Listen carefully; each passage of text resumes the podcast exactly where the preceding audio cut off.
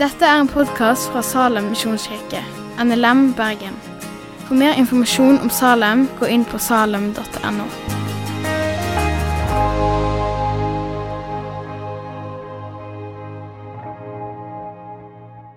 Tack så mycket för eh, inbjudan att få komma hit. Vi har haft väldigt eh, fina dagar här och det är en förmån för mig att få Eh, dela Guds ord med er den här morgonen.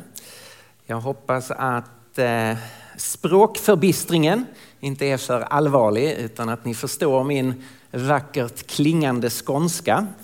Eh, jag kommer alltså från södra Sverige, från Lund ursprungligen, bor i Stockholm sedan många år tillbaka.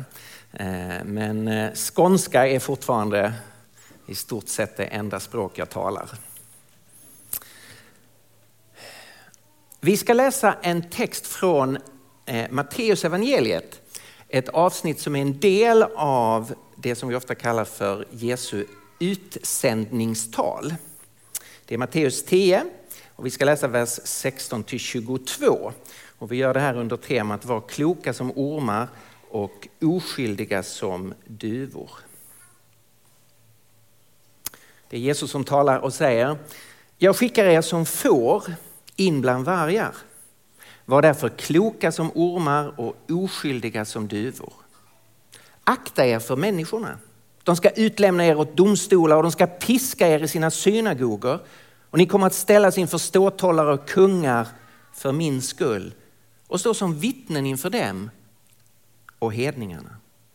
Men när man utlämnar er, bekymra er då inte för hur ni ska tala eller vad ni ska säga.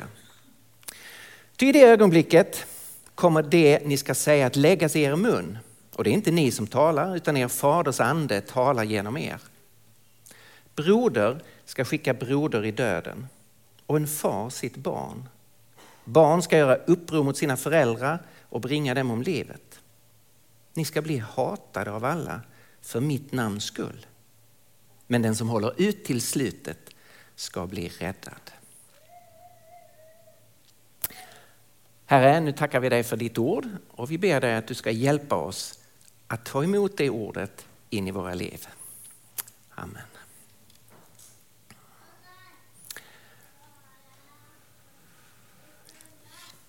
Jag får nästan börja med att beklaga att jag läser en så här omskakande text för er en söndag morgon när ni kommer hit här och tänker nu ska vi ha det hur mysigt som helst där, en liten gudstjänst och lite lovsång och gemenskap och det kommer kännas hur skönt som helst. Så är det när man närmar sig Jesus, vad som helst kan hända. Han drar sig inte för att skaka om människor och sätta saker på sin spets. Han kan tala ljuvligt.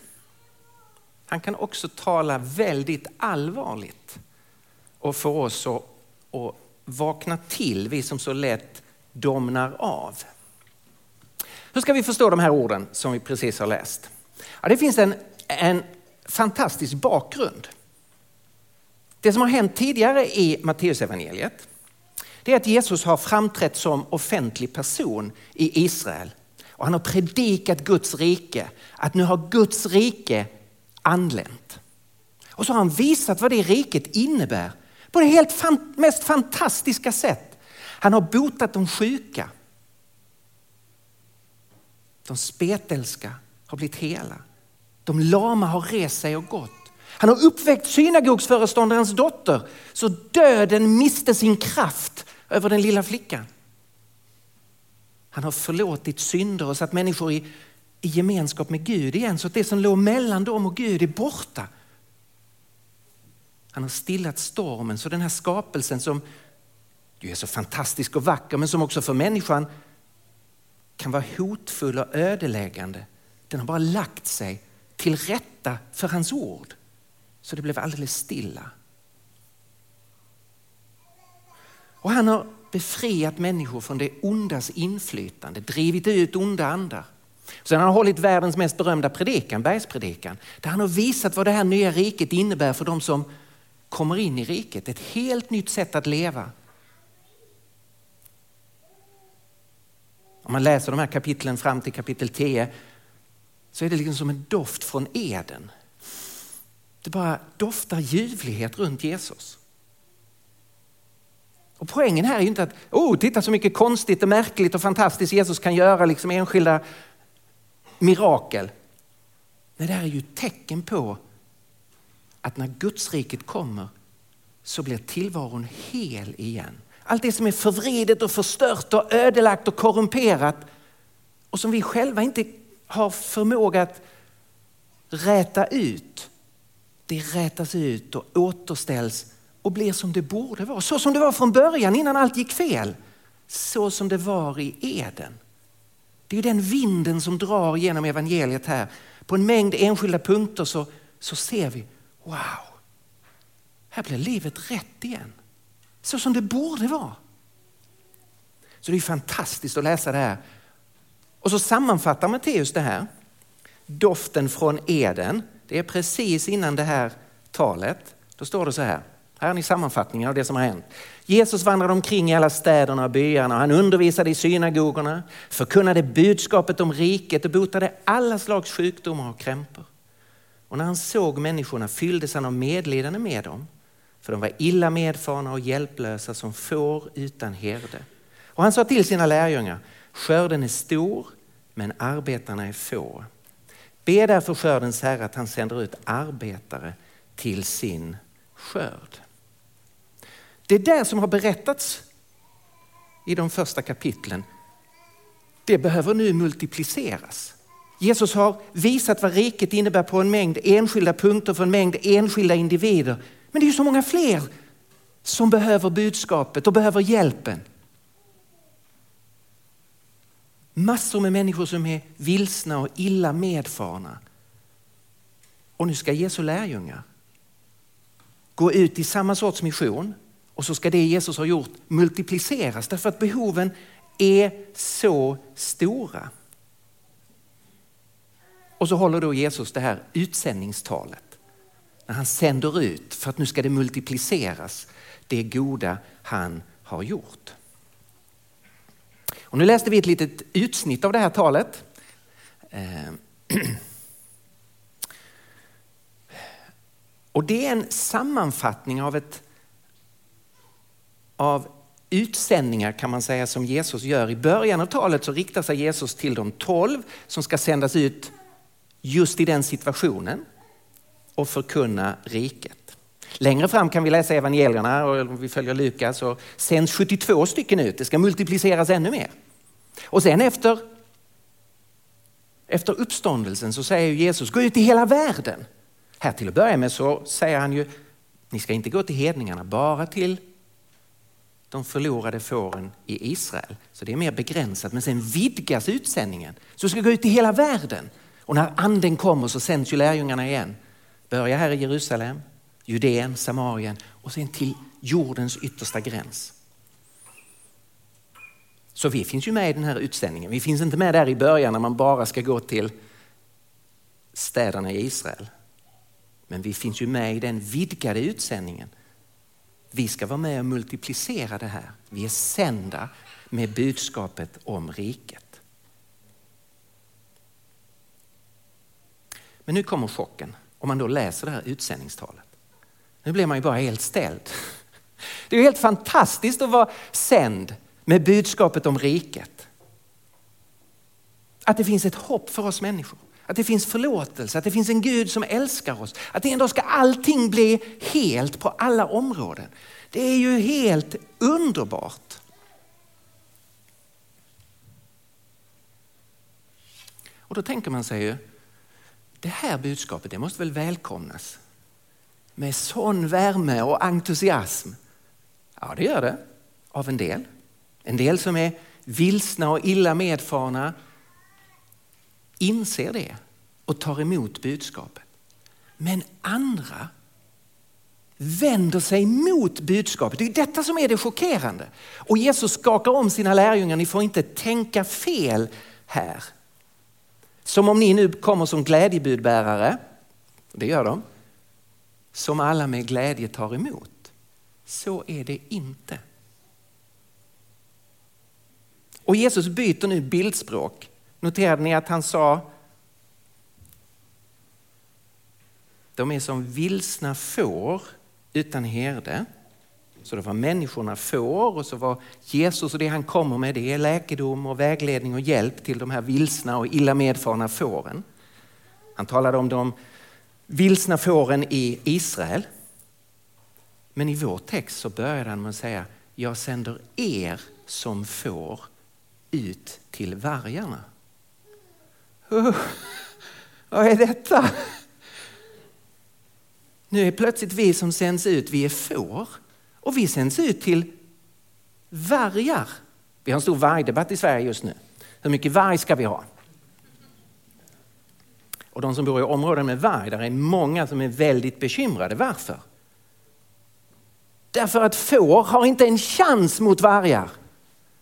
Det är ju helt förödande. Fåren är ju alldeles hjälplösa. Jesus vänder här, alltså, nu vi får. Ni kommer möta vargar. Här är krafter som ni, er själva, är maktlösa inför. Jesus utlovar ingen idyll när han sänder ut oss. Hur ska vi förstå det? Tre punkter. Det här var en inledning, det här var en bakgrund. Tre punkter utifrån texten. Vi behöver förstå det här motståndet vi som får kommer att möta bland vargarna. För det första, vad är det här för sorts motstånd?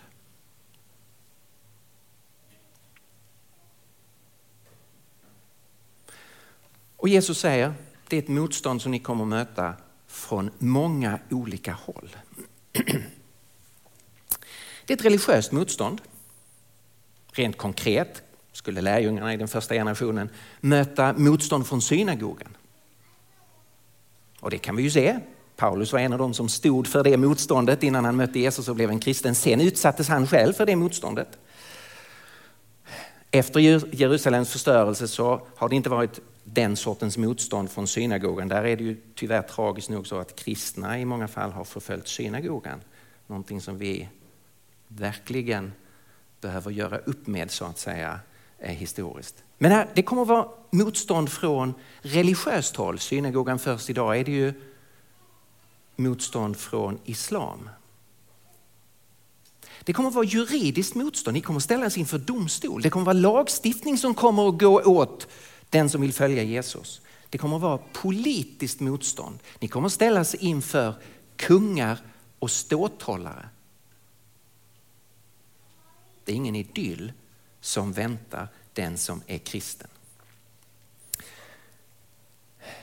Det här är alltså ett motstånd från människor via olika system och institutioner.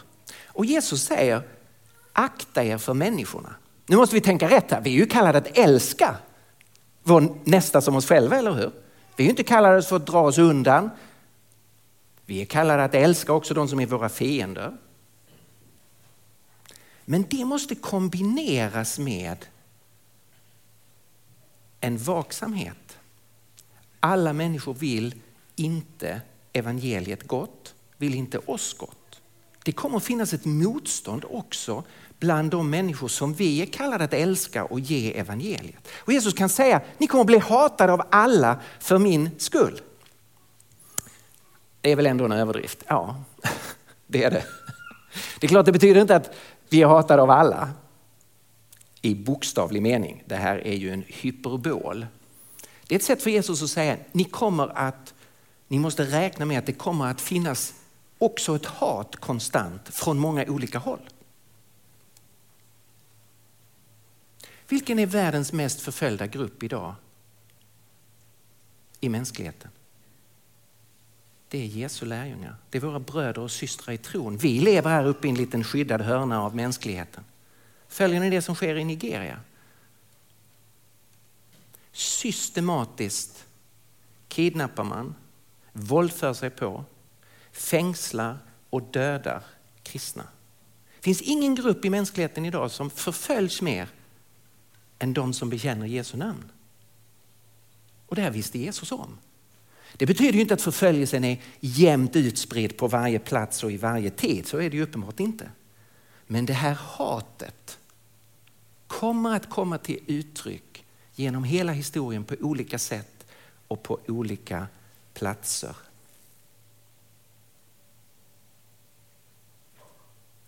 Hur ska man förstå detta?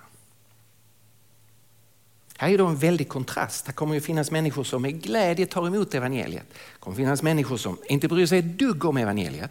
Och så kommer det finnas människor som gör allt för att motarbeta evangeliet på olika sätt. Indirekt eller väldigt uppenbart. Jesus går inte in på det i den här texten, men det är uppenbart om man läser evangelierna och Nya Testamentet att det bakom detta motstånd som kanaliseras via människor finns en ond makt. Ja, men kom igen nu Stefan, är det några som säger, åtminstone om jag är i Sverige. Du tror väl inte på djävulen? Tror du på en figur med horn och svans och en bockfot och sådär? Nej, det gör jag inte alls. Inte för ett ögonblick. Men jag är helt övertygad om att det finns en andlig, intelligent men totalt korrupt makt, en ond makt som driver sitt spel med människor som förblindar och förvirrar och korrumperar människor. Och min motfråga är till den som inte tror på en ond makt. Hur kan du läsa om andra världskriget och förintelsen och säga det finns ingen andlig ond makt? Hur kan du läsa om Gulag? Hur kan du läsa om de stora pedofilringarna i världen idag? Där män förgriper sig på spädbarn. När vi konfronteras inför detta så säger också den mest sekulära människa, det där är djävulskt. Ja, det är ju det jag säger. Det finns inget annat ord för det. Men har vi inte avskaffat djävulen? Jo, visst har vi det. Det gjorde vi i Sverige. Dagens Nyheter 1909, den 27 maj. Då avskaffade man djävulen. Och det går alldeles utmärkt att göra i en tidning. Har världen blivit utan ondska sen vi avskaffade djävulen? Nej. Det går inte att förstå tillvaron om vi inte ser att vi är indragna i en kamp som har större dimensioner än de som vi bara kan registrera genom att göra ett sociologiskt arbete. Jesus är väldigt tydlig. Var realistisk om det som väntar i världen. Varför detta motstånd? Hur i all sin dag ska man förstå ett sånt motstånd mot ett sånt gott budskap? Det är ju helt obegripligt. Varför följs människor som förkunnar det finns förlåtelse och kärlek från Gud. Vi ska älska varandra. Och så bygger man skolor och tar hand om de sjuka och fattiga och stödjer änkor och barnlösa. Och så blir man hatad. Hur går detta ihop? Det är ju helt liksom obegripligt. Och Jesus säger, det är för min skull. Det är för mitt namns skull som det här hatet blossar upp. Ja, men hur ska man förstå det? Alltså ibland så är det förstås att kristna har betett sig illa. För då kan man ju bli hatade för vår egen, för vår egen syns och, och, och våra missgärningars skull. Och det är ju sin sak. Och det hatet, så att säga, det, det motståndet är ju fullt begripligt och eh, man kan säga på vissa punkter så att säga Eh, Eh, fullt begripligt och, och delvis motiverat när kristna och kyrkan har betett sig illa. Men det är inte det som Jesus talar om här. Han talar om någonting som sker för hans skull. Här finns det någonting i att Jesus som person utmanar oss som frälsare och som Herre och som ställer oss inför ett yttersta val att antingen kapitulera inför honom eller att göra uppror mot honom. Det finns inga mellanstationer av neutralitet. Det blir ett, ett antingen eller. Paulus kan ju tala om korsets dårskap. Och det finns ju någonting i detta, alltså kristen tro är ju helt unik. Alla andra religioner, för att använda det uttryck som Timothy Keller ofta använder, alla andra religioner är goda råd. Råden ser olika ut men i grunden så är strukturen i alla världens religioner goda råd. Gör så här. så löses ditt problem. Gör så här så får du kontakt med Gud. Gör så här så kan du närma dig det gudomliga. Gör så här så kan du balansera upp din skuld med hjälp av goda gärningar. Och så får man ett recept. Recepten ser olika ut. Följ den åttafaldiga vägen. Ly i buddhismen, ly de fem pelarna i islam. Lev efter de tre etiska principerna från Konfucius. Och kristen tro säger nej. Det är inte goda råd om vad du ska göra. Det här är en gåva att ta emot utifrån vad någon annan har gjort för dig. Det är inte goda råd, det är goda nyheter. Någon annan har gjort någonting för dig som gör att du kan få kontakt med Gud. Och Det här är ju de fantastiska nyheterna. Men det är också någonting här som provocerar någonting i oss därför att vi har någon sorts inbyggt behov av att rättfärdiga oss själva istället för att kapitulera och ta emot gåvan.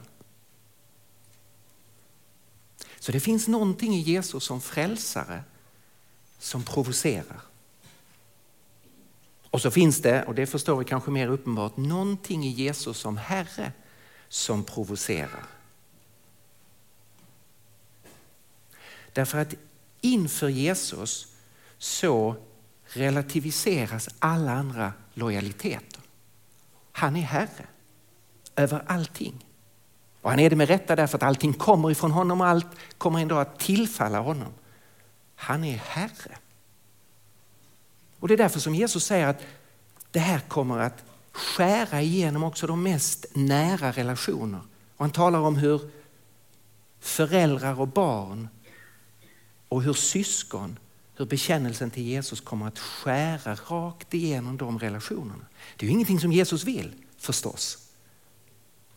Och den som är kristen gör ju allt för att de relationerna ska kunna fortsätta att fungera. Men vi som ser vad som händer när muslimer kommer till tro, vi ser ju hur Jesu ord här besannas. Ofta då på ett väldigt tragiskt sätt. Att den som bekänner Jesus med en muslims bakgrund förkastas. Här finns grunden för motståndet. Jesus relativiserar allting annat och du måste ta ställning till honom.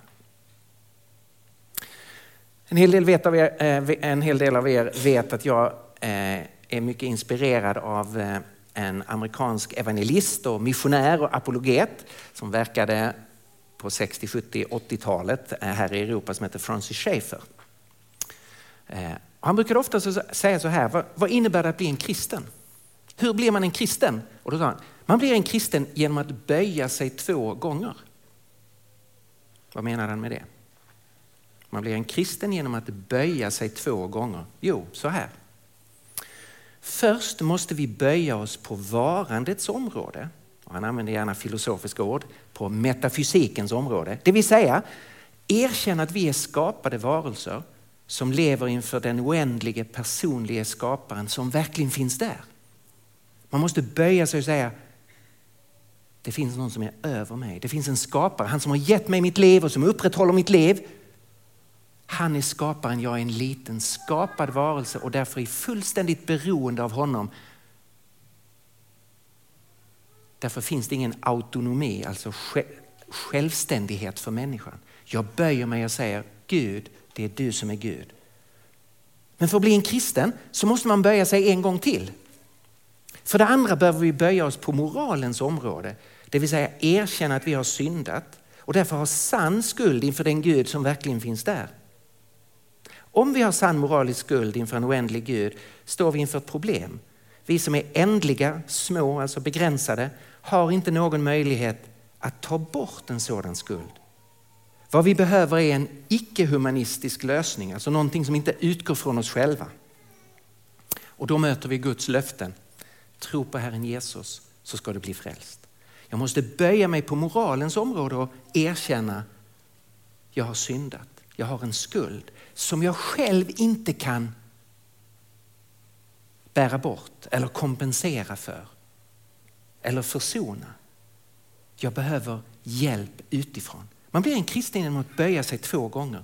Erkänna att Gud är Gud, erkänna att jag behöver en frälsare. Men här ligger ju också provokationen. Om man inte vill böja sig. Hur, för det tredje, hur ska vi då möta motståndet? Ja, det var det som var temat för predikan. Hur ska vi möta motståndet? Vad ska vara vår attityd till det här? Och texten började ju så här. Var därför kloka som ormar och oskyldiga som duvor. Jesus gillar bildspråk. Han verkar gilla djur, eller hur? Först är det får och vargar. Nu är det ormar och duvor.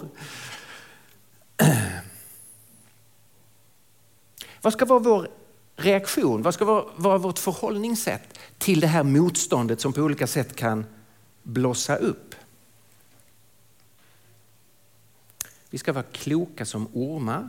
Så ormen står här, inte som en symbol för djävulen eller för det onda, utan för att, vara, att ha en viss form av smarthet, listighet, att kunna se igenom och agera utifrån en viss situation.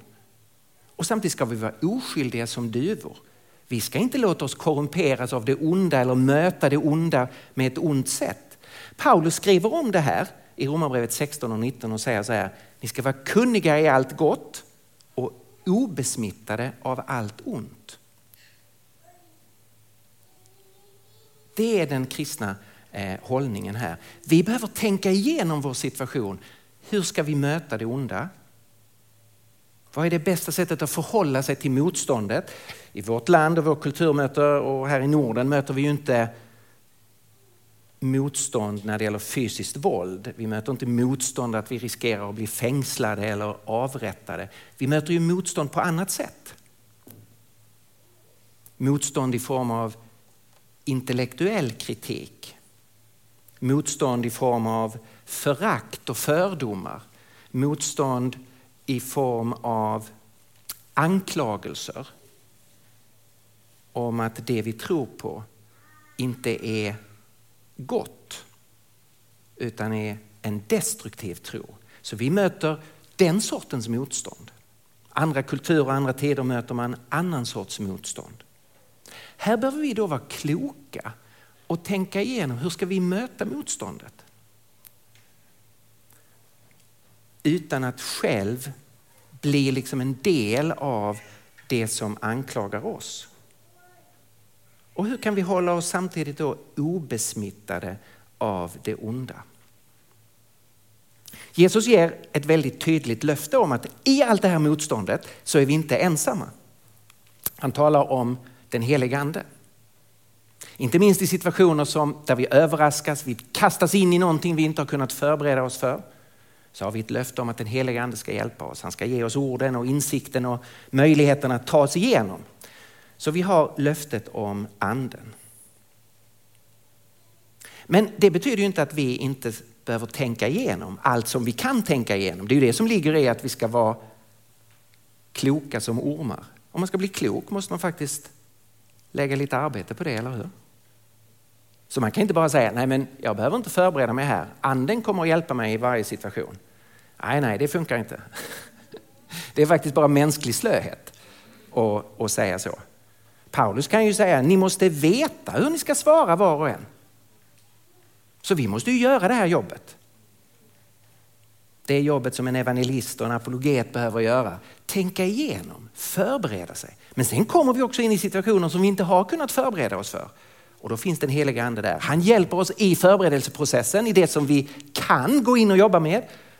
Och vi har ett löfte om att han hjälper oss i det som överraskar oss och där vi inte har haft en chans att förbereda oss. Här är det viktigt att se balansen. Jag lever med kallelsen eh, som apologet, alltså att förklara och försvara den kristna tron. Att arbeta med trosförsvar. Och jag vet inte hur många gånger jag har mött påståendet, ja men vi behöver inte apologetik, vi har ju anden. Och så sätter man upp ett antingen eller. Det är liksom antingen att man litar på den heliga ande eller så sysslar man med apologetik. Men det är en helt felaktig motsättning. Vi ska förstås lita på den heliga ande, han som är sanningens ande. Och sen har vi en kallelse att vara kloka och visa och kunna veta hur vi ska svara var och en. Och de två sakerna står där samtidigt. Vi ska inte spela ut dem mot varandra. Här finns en viktig balans. Så gör inga, vi ska inte göra några konstlade motsättningar utan hålla samman detta. Det här behöver vi prata mycket mer om som Guds folk i de nordiska länderna. Hur ser vårt motstånd ut? På vilka punkter manifesterar sig motståndet mot de goda nyheterna? Och så får vi ställa frågorna, vad innebär det för oss att vara kloka som ormar i den här situationen? Och hur kan vi vara oskyldiga som duvor? Hur kan vi manövrera i den här väldigt komplexa situationen så att de goda nyheterna når så många som möjligt? Och så att vi står fasta, är uthålliga till änden och inte ger upp under motståndet.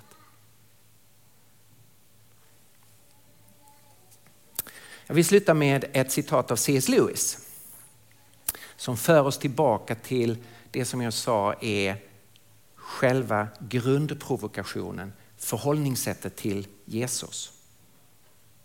Han eh, skriver så här på ett ställe. Han citerar en, eh, en äldre författare, en äldre engelsk författare som har sagt så här. Om du inte har valt Guds rike kommer det i slutändan inte att göra någon skillnad vad du har valt istället. Det är ett citat från en författare som heter Law. Så kommenterar C.S. Lewis detta och säger det är svåra ord att ta in. Alltså, om du inte har valt Guds rike kommer det i slutändan inte att göra någon skillnad vad du har valt istället. Det är svåra ord att ta in. Kommer det verkligen inte att göra någon skillnad om du har kvinnor eller patriotism, kokain eller konst, whisky eller en plats i regeringen, pengar eller vetenskap? Som alltså fick första platsen i ens liv istället för Guds rike. Kommer det inte att göra någon skillnad? Tja, ingen skillnad som spelar någon egentlig roll. Hur kan det vara så? Vi kommer att ha missat målet för vilket vi är avsedda och förkastat det enda som tillfredsställer. Spelar det någon roll för en man som dör i öknen vid vilket vägval han missade vägen till den enda brunnen? Det är en retorisk fråga. Nej, i längden spelar det ingen roll vid vilket vägval det var man missade vägen till den enda brunnen. Så radikalt är evangeliet. Så provocerande är evangeliet. Och så underbart är evangeliet. Det finns en brunn i öknen för oss som törstar. Det finns goda nyheter för oss som är illa medfarna och som är som får utan herde. Det finns ett fantastiskt hopp om att allt ska bli helt igen. Men det hänger till 100 procent på Jesus från Nasaret. Herre, vi tackar dig för ditt ord till oss och vi ber dig att du ska hjälpa oss att förstå det, sätta vår tro till det och troget och uthålligt stå för dig på den plats, i den tid och i den roll som du har kallat oss till. Det ber vi om i ditt namn Jesus. Amen.